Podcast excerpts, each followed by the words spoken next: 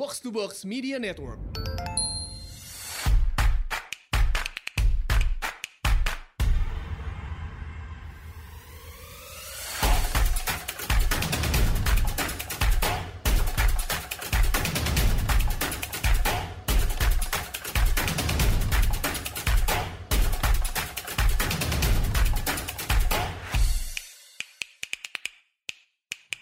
Selamat datang di Asumsi Bersuara. Kita hari ini akan bahas satu isu kesehatan yang penting banget namun agak jarang dibahas nih di tengah pandemi Covid ini, yaitu tentang penyakit stroke.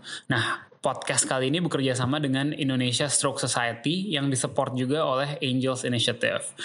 Indonesia Stroke Society adalah organisasi yang berfokus di edukasi, pencegahan, penanganan, serta pengobatan stroke.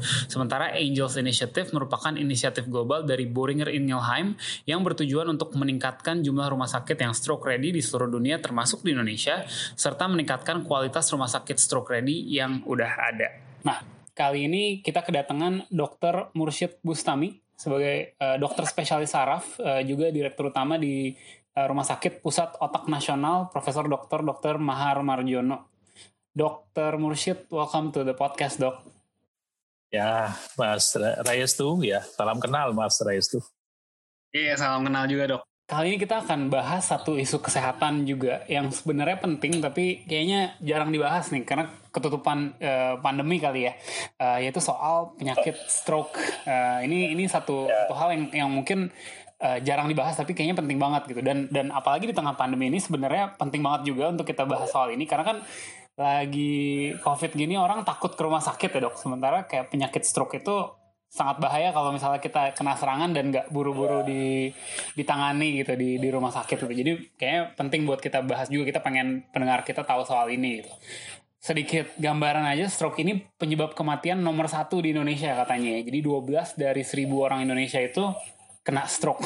Ya. Jadi ini ini penting buat buat kita bahas nih dok. Nah uh, kali ini saya bareng dokter uh, Mursyid mau mau mau nanya-nanya lah sebenarnya soal ini, especially ya di tengah di tengah pandemi ini gitu ya.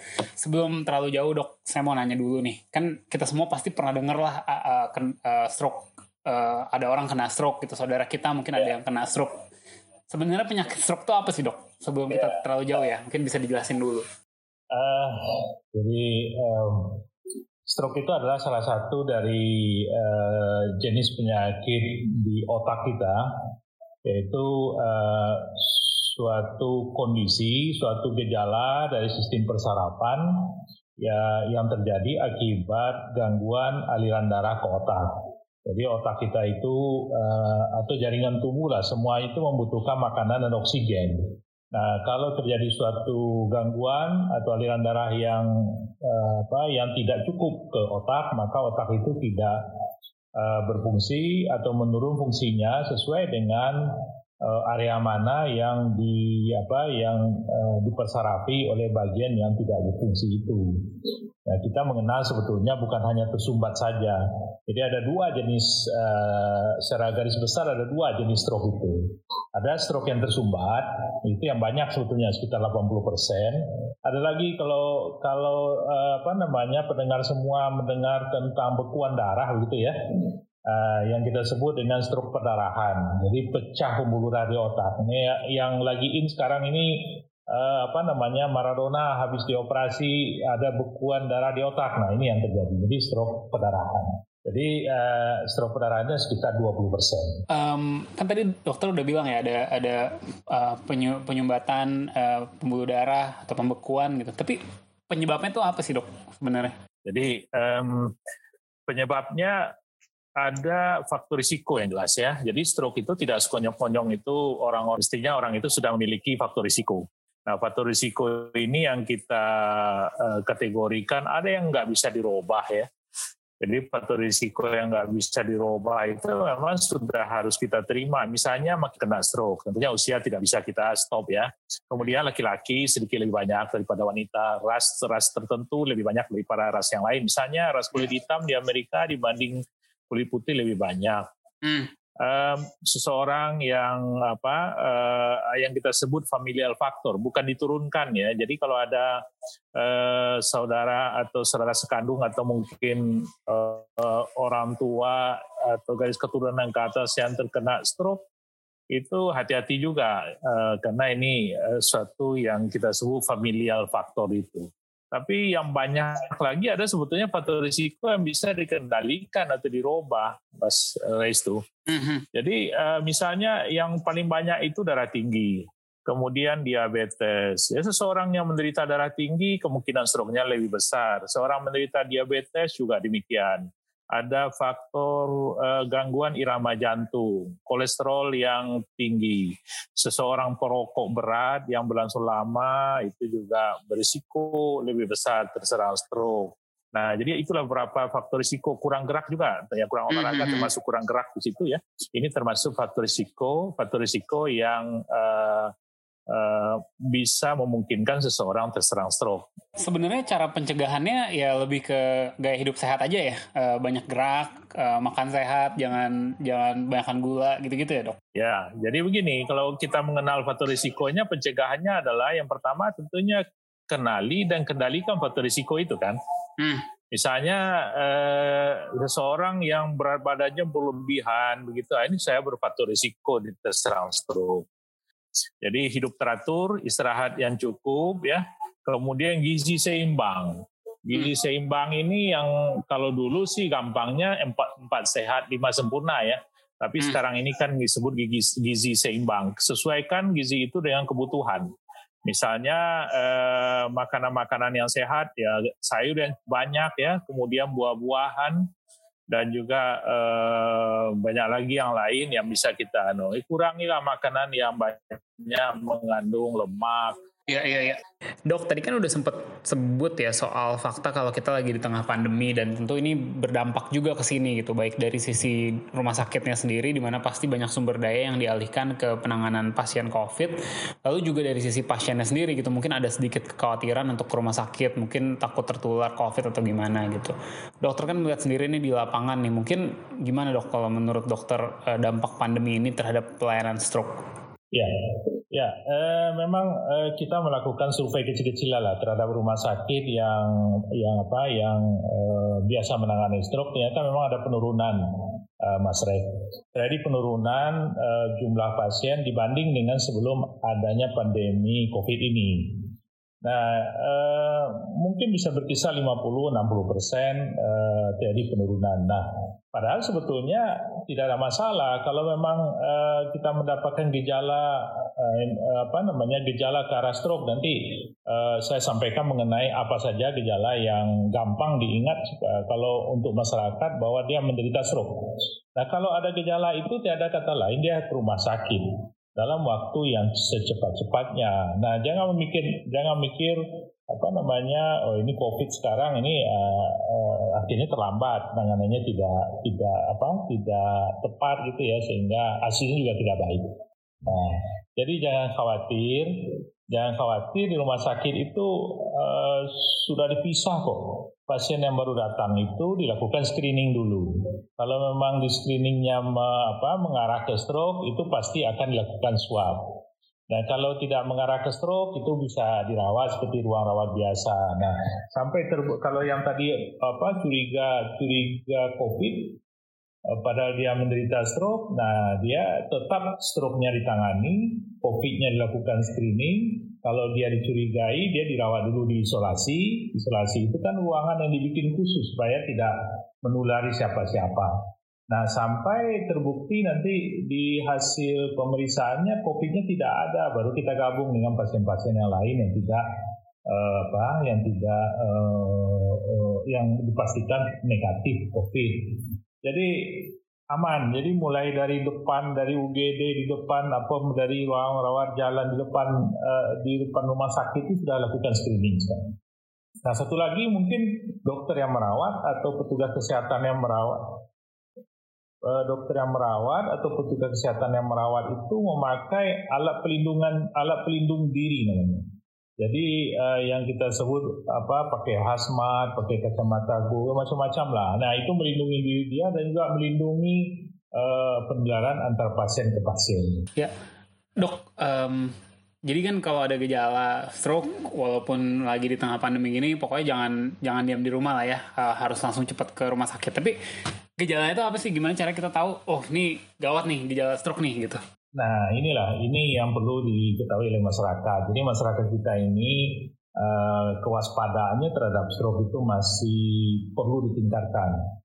Uh, ada yang kita sebut FAST atau FAST gitu ya. FAST itu uh, itu di, dipopulerkan di Amerika di Cincinnati Stroke Scale namanya. Nah, itu kepan, uh, kependekan dari F itu face dropping, jadi wajah yang tidak simetris saat tersenyum atau saat bicara kok kelihatan wajahnya miring, itu satu. Kemudian A itu arm weakness, arm weakness, kelemahan satu sisi tubuh. Bisa lengan, bisa kaki, bisa dua-duanya, bisa satu lebih berat dari eh, dari kaki lebih berat di tangan atau sebaliknya. Nah, kemudian yang ketiga S speech difficulty, kesulitan untuk berbicara. Mendadak kesulitan bicara, misal mendadak kok bicaranya pelo ya tiba-tiba, kok bicaranya jadi nggak nyambung, atau mungkin sulit untuk mengucapkan sesuatu. Nah itu FAS. Nah T-nya apa? T-nya T-nya time to call. Artinya begini, eh, waktu saatnya kalau kita didapatkan jalan tiga itu waktu harus segera menghubungi uh, ambulan. Waktu segera uh, apa menghubungi rumah sakit untuk untuk apa untuk bahwa kita mau datang ke rumah sakit. Nah, pergi dari rumah sakit atau menghubungi ambulan, nah ini tergantung dari kondisi. Tapi paling tidak kalau kita uh, keluarga dari kita atau saudara dari kita, tetangga dari kita mendapatkan gejala ada wajahnya yang miring sebelah, kemudian salah satu dari anggota geraknya kelihatan kok gerakannya lemah, atau mungkin kesulitan bicara, bicara pelo, segeralah ke rumah sakit. Ya. Dok, saya juga pernah baca katanya kalau kita ngeliat atau merasa ada gejala stroke itu harus ditangani paling lambat satu jam sejak gejala itu muncul ya dok. Ini bener nggak ya dok? E, mungkin juga boleh cerita kali dok ya kalau telat tuh apa yang bakal terjadi gitu? Ya, jadi begini uh, Mas Ray, bahwa uh, jaringan saraf itu agak unik sedikit. Jaringan saraf itu kan dilindungi uh, dengan pelindung yang sangat bagus. Misalnya di otak itu ada tulang, ada selaput otak, semuanya itu pelindung yang bagus sekali. Nah, tapi sekali dia rusak, sekali dia rusak, maka akan sulit atau tidak bisa kembali baik. Oke, nah kalau otak itu tidak mendapatkan darah yang cukup yang bisa membawa makanan, bisa membawa oksigen untuk ber, ber, bekerja otak itu, maka otak itu akan rusak, otak itu akan mati. Jaringan otak, jadi sel-sel otaknya akan mati bukan secara keseluruhan ya, tergantung daerah yang tersumbat. Nah, Nah, makin cepat kita atasi, misalnya ada tersumbat, makin cepat dilepaskan sumbatannya dengan memakai obat-obatan tertentu, maka makin sedikit yang terlanjur rusak. Ya. Nah, waktu 60 menit itu sebetulnya waktu uh, apa uh, pasien datang di UGD sampai diberikan obat untuk menghancurkan sumbatan. Itu sebetulnya maksimum 60 menit. Jadi jangan jadi salah pengertian ya bahwa kalau terserang stroke ada FAS tadi segeralah ke rumah sakit secepat-cepatnya. Ya, nah dilepasnya sumbatan itu diberikan obatnya dalam setengah jam, dalam satu setengah jam, dalam tiga jam, dalam empat setengah jam akan berbeda hasilnya. Makin cepat diberikan makin baik. Nah, untuk bisa memberikan obat itu karena tidak semua pasien juga memenuhi syarat untuk diberikan obat itu ya. Itu ada pemeriksaan-pemeriksaan yang harus dilakukan. Nah pemeriksaan yang dilakukan itu tentunya butuh waktu juga. Nah maksimum rumah sakit itu sudah harus menyelesaikan pemeriksaannya 60 menit. Makin cepat makin baik ya jadi jangan pasien itu datangnya menunggu dulu deh karena waktu yang yang apa yang kita sebut golden period, golden hour yang paling baik itu empat setengah jam mas Ray. Kalau masih kurang dari empat setengah jam itu masih bisa dihancurkan sumbatannya memakai obat peluluh sumbatan, pel, ya yang penghancur sumbatan. Ya, yang kita kenal kalau terapinya uh, uh, uh, trombolisis namanya. Nah, untuk penanganannya itu sendiri bisa langsung ke UGD di rumah sakit terdekat aja atau mesti ke rumah sakit tertentu, Dok? Jadi uh, begini. Uh, tentunya akan lebih tepat penanganannya kalau di rumah sakit yang sudah ready untuk menangani stroke yang sesuai dengan standar ya yang kita sebut uh, apa rumah sakit stroke ready stroke yang siap untuk menangani itu dan di rumah sakit itu pastikan ada dokter yang bisa menangani stroke kalau di Indonesia tentunya dan di mana pun itu dokter spesialis saraf Kemudian ada untuk mendeteksi stroke itu memakai CT scan. Nah, itu yang penting. Nah, ada dokternya yang mengerjakan, ada alat untuk memeriksa CT scan di uh, apa di rumah sakit, kemudian dibentuk tim. Dibentuk tim stroke. Jadi tim untuk menangani stroke di rumah sakit itu sehingga di rumah sakit itu sudah kalau orang datang dengan gejala stroke tim timnya itu langsung diaktifkan ya. Tim itu langsung diaktifkan maka itu sudah berjalan mekanisme SOP yang sudah disusun di rumah sakit itu. Itu kita sebut stroke uh, rumah sakit stroke ready nah jadi artinya begini 2.800 lebih rumah sakit di Indonesia tentunya tidak semuanya uh, siap untuk menangani stroke belum semuanya ada dokter spesialis saraf, belum semuanya ada CT scan, ya. Kemudian juga ada pun dokternya mungkin uh, uh, timnya belum terbentuk, ya. Tapi uh, jangan khawatir, ini juga pelan-pelan nanti mudah-mudahan di Indonesia akan terbentuk banyak rumah sakit-rumah sakit yang siap untuk menangani stroke yang sesuai dengan standar internasional. Gitu. Nah, tapi kalau di daerah sekitar kita nggak ada rumah sakit yang stroke ready gitu dok, gimana ya? Jadi begini, tadi kan konsen kita waktu, Mas Teh. Waktu ya. Jadi kalau misalnya um, di, uh, memungkinkan untuk datang untuk per, segera ke rumah sakit yang ready stroke tentunya akan lebih baik ya. Tapi saya yakin Indonesia ini kan suatu daerah yang luas, yang mungkin ada kepulauan, ada pelosok, ada daerah terpencil, ada daerah perbatasan. Tidak semuanya itu memiliki fasilitas yang uh, seperti saya sebutkan tadi ya. Tentunya uh, untuk pertolongan pertamanya pergilah ke rumah sakit yang terdekat ya Nah, jadi pilihannya kalau ada rumah sakit stroke ready, ada dokter saraf di situ, ada CT scan di situ, pergilah ke sana. Tapi kalau memang itu tidak ada, pergilah ke fasilitas kesehatan yang paling memungkinkan yang terdekat. Ah, dok, saya mau mau nanya lagi nih kan kan pendengar asumsi bersuara banyak kan masih anak muda nih ya. Kan ada mitos nih yang yang kita sering dengar gitu. Yeah. Biasanya yang kena stroke tuh yang udah lebih lanjut lah usianya gitu ya. Uh, bener nggak sih dok? Atau sebenarnya kita kita juga juga beresiko nih. Ya, ya memang uh, stroke itu dianggap penyakit degeneratif ya, penyakit usia lanjut. Karena uh, risiko lebih besar akan diderita oleh usia di atas 55 tahun. Dikatakan kalau usia di atas 55 itu risikonya dua kali lipat dibanding dengan usia yang lebih muda. Nah, tapi stroke ini bisa mengenai semua usia sebenarnya. Mulai dari anak-anak sampai uh, apa uh, sebelum meninggal itu bisa bisa berisiko terhadap uh, uh, terkena stroke. Nah, jadi kalau dikatakan tadi anak muda, memang ada kecenderungan uh, anak usia stroke itu me mengenai usia yang lebih muda sekarang. Lebih kurang 15% itu uh, stroke bisa terjadi pada remaja dan para pada uh, orang dewasa muda. Nah, kenapa bisa terjadi? Karena mungkin faktor risikonya, misalnya anak muda sekarang mungkin kurang olahraga, banyak merokok, terlalu banyak mengkonsumsi makanan-makanan yang tidak sehat, ya, atau uh, pola hidup, misalnya istirahat dan bekerjanya tidak teratur, ya, kurang gerak dan juga mungkin stres, ya. Dan apalagi kalau usia muda sudah memiliki faktor risiko, misalnya usia 30 sudah memiliki darah tinggi, ada diabetes, ada segala macam. Nah, memang ada lagi faktor risiko dari stroke pada usia muda itu kelainan bawaan ya. Memang ada uh, sudah ada pembuluh darahnya yang tidak tidak normal. Ini potensi terjadinya stroke juga ada. Nah, jadi kalau misalnya di keluarga kita ada yang keturunan stroke gitu, tentu kita jadi harus lebih hati-hati lagi juga karena ada kemungkinan bawaan, jadi resikonya lebih tinggi. Tapi selain itu berlaku buat semua orang juga pastikan mesti gaya hidup sehat, makan sehat, banyak olahraga juga gitu ya dok, untuk mengurangi resiko. Betul, betul, betul. Dok, saya ada ada pernah baca juga uh, katanya kalau kalau kalau ada gejala stroke uh, tusukin jarum ke jari gitu. Bener gak sih dok?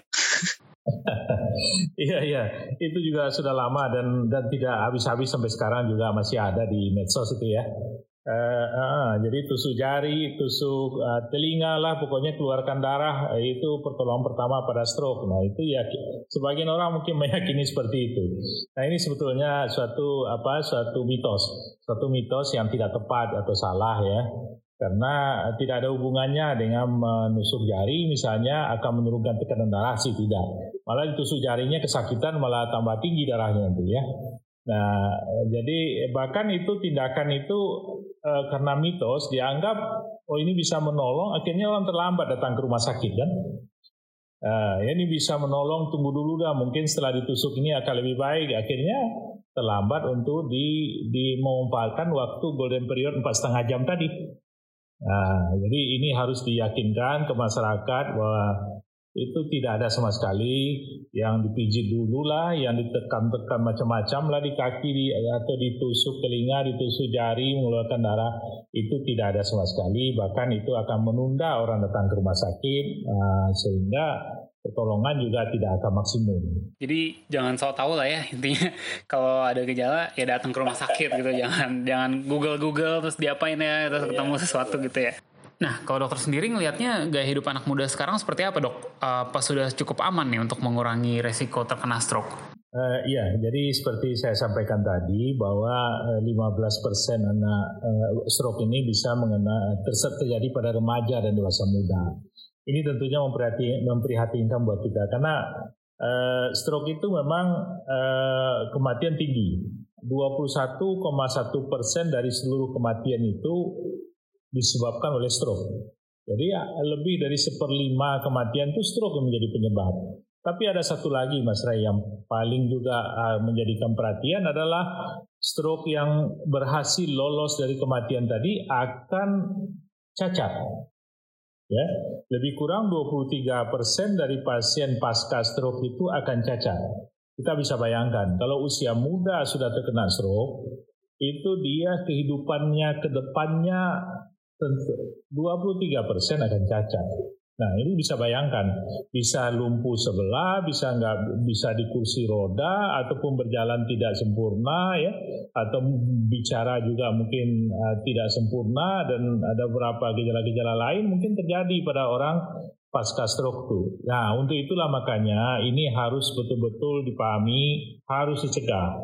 Nah jadi apa yang harus dilakukan? Kenapa anak muda yang terserang stroke? Karena karena pola hidup terutama ya, pola hidup mungkin yang tidak uh, sehat ya, terlalu banyak mengkonsumsi uh, uh, mungkin uh, um, uh, makanan junk food misalnya gitu ya, kemudian atau uh, alkohol yang berlebihan atau merokok, kurang olahraga dan lain-lain. Uh, Tadi sudah sampaikan bahwa uh, work from home ini hati hati-hati ini saat pandemi ini ya.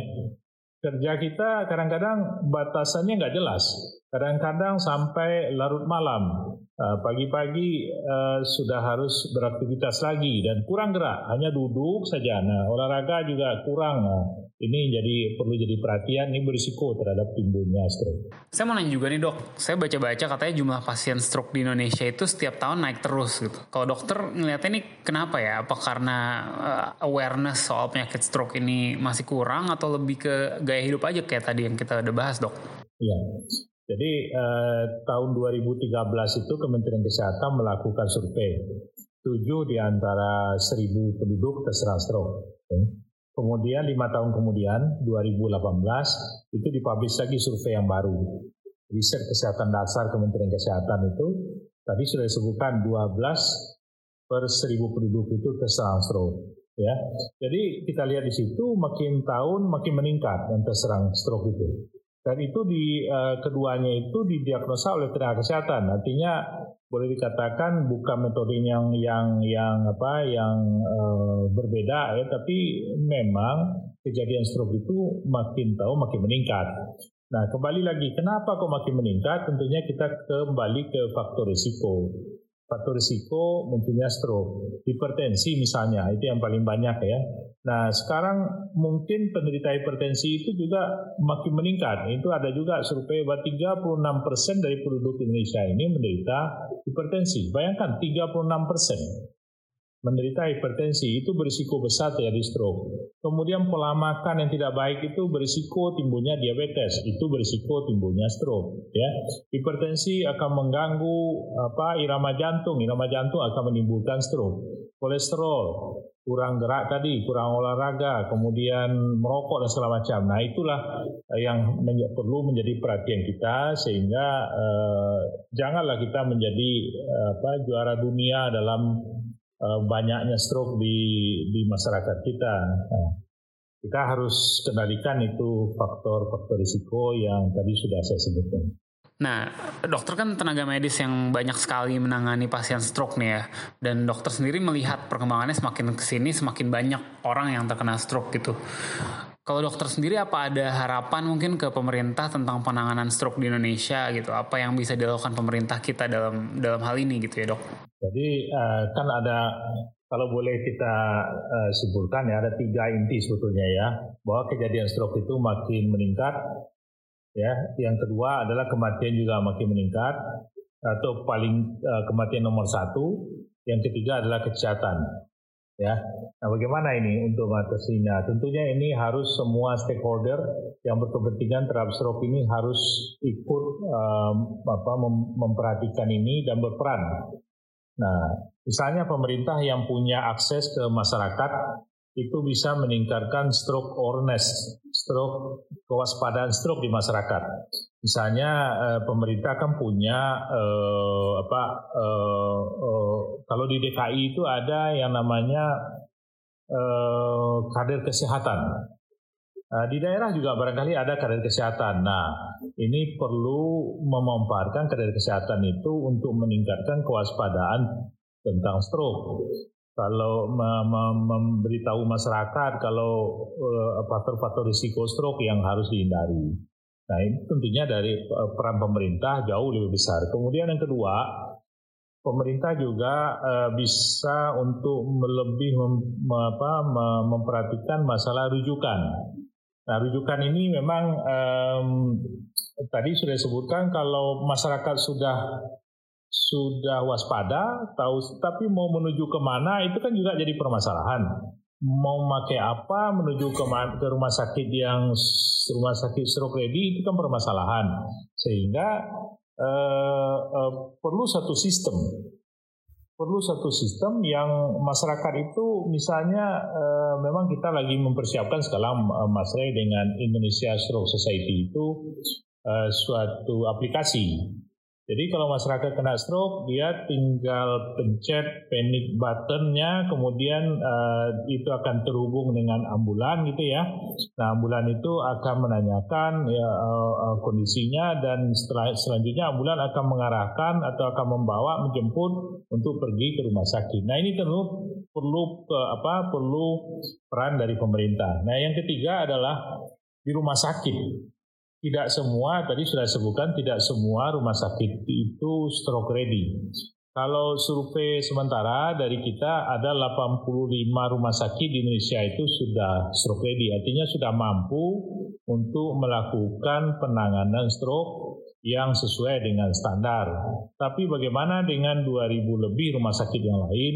Tentunya ini perlu menjadi perhatian kita. Nah, yang terakhir, pasca stroke kan supaya tidak cacat, dia harus dilakukan eh, apa namanya eh, tindakan neurorestorasi namanya. Neurorestorasi itu mengembalikan fungsi saraf yang tadi eh, apa kurang berfungsi berfungsi kembali. Kalau tadi sudah mati kan nggak bisa ya. Yang setengah rusak lagi itu bisa kembali baik. Itu dengan terapi eh, fisioterapi, dengan terapi okupasi, dengan terapi bicara itu bisa dilakukan dan waktunya juga terbatas. Artinya ini juga setelah pasien pulang dari rumah sakit itu harus dilanjutkan dengan eh, apa terapi untuk meminimalisir kecacatan. Nah, sehingga diharapkan pasien-pasien pasca stroke itu eh, bisa pulih, bisa beraktivitas kembali seperti sebelum semula. seperti sebelum dia terserang uh, stroke. Kalau tidak uh, uh, uh, tidak diperbaiki, tidak di, dilakukan rehabilitasi terhadap pasien itu, dan selamanya dia akan cacat. Dan uh, juga pasca stroke itu yang penting juga mencegah jangan sampai terkena stroke kembali. Karena seseorang yang pernah mengalami stroke itu berisiko untuk terkena stroke 4 sampai 5 kali dibanding pasien yang belum pernah menderita stroke. Oh ya dok, saya mau nanya lagi tentang Fast Rescue App yang tadi kayaknya dokter sempat sebut gitu. Boleh dijelasin lebih lanjut nggak dok soal ini? Ada rencana launchingnya gitu mungkin kapan? Oh ya, jadi ini salah satu uh, uh, Indonesia Stroke Society itu membuat suatu aplikasi yang diharapkan ini bisa membantu masyarakat untuk segera bisa menemukan rumah sakit stroke ready sehingga uh, kematian bisa diturunkan, kesehatan bisa diturunkan. Namanya aplikasi Fast Rescue. Uh, kira-kira pada akhir akhir bulan ini ini sudah bisa kita melakukan uji coba dan tentunya nanti uh, pelan-pelan kita sempurnakan dan kita harapkan pada kuartal satu lah pada uh, tahun depan ini sudah bisa uh, di uh, di apa di download di Google Play Store uh, Android. Dokter Mursyid, kira-kira nih kan tadi kita udah bahas uh, banyak banget lah soal penyakit stroke ini gejalanya gimana, penanganannya gimana, uh, sekarang kondisinya gimana. Ada lagi nggak nih dok yang kayaknya menurut dokter penting untuk pendengar asumsi bersuara ketahui, tapi dari tadi belum sempat kita sentuh, belum sempat kita bahas, dok. Uh, ya, kita juga di samping peran pemerintah itu tentunya peran media ya. Salah satunya peran dari asumsi ini, salah satunya kemudian mungkin televisi dan segala macam, apa pun lah peran uh, media ini kita harapkan. Karena nggak mungkin uh, apa tenaga kesehatan bisa menjangkau ke pelosok. Kalau media sekarang ke mana-mana bisa. Setiap orang punya gadget. Setiap orang punya bisa menonton televisi. Nah ini kita juga harapkan media ini juga membantu kita untuk meningkatkan awareness dari masyarakat dan juga uh, apa uh, bagaimana mencegah, bagaimana um, meminimalisir kejadian dari stroke itu. Sehingga kalau perkembangannya jangan lagi lah, naiknya lebih dari 50% dalam setiap lima tahun itu kan juga suatu angka yang tidak baik ya. Dokter Mursyid, thank you banget dok udah berkenan hadir di sini hari ini mengedukasi kita tentang bahaya stroke dan penanganannya. Banyak banget yang saya dapatkan dari ngobrol dengan dokter Mursyid hari ini dok, thank you banget. Sama-sama, Maristu mudah-mudahan bermanfaat untuk masyarakat kita ya, untuk semuanya lah yang mendengarkan asumsi ini. Um, untuk pendengar asumsi bersuara, seperti biasa jangan lupa follow Asumsiko, follow Box to Box ID. Dokter Mursyid, apakah ada uh, akun sosial media yang uh, ingin dipromosikan dok? Uh, para pemirsa asumsi bersuara bisa uh, mengunjungi di strokesociety.id atau bisa juga mengunjungi rspon.co.id untuk mendapatkan informasi seputar stroke. Oke, okay, thank you dok untuk pendengar asumsi bersuara. Jangan lupa ya tadi walaupun situasi lagi pandemi kayak gini, kalau stroke jangan diam di rumah. Kita berjumpa lagi di asumsi bersuara minggu depan hari Selasa berikutnya. Ciao.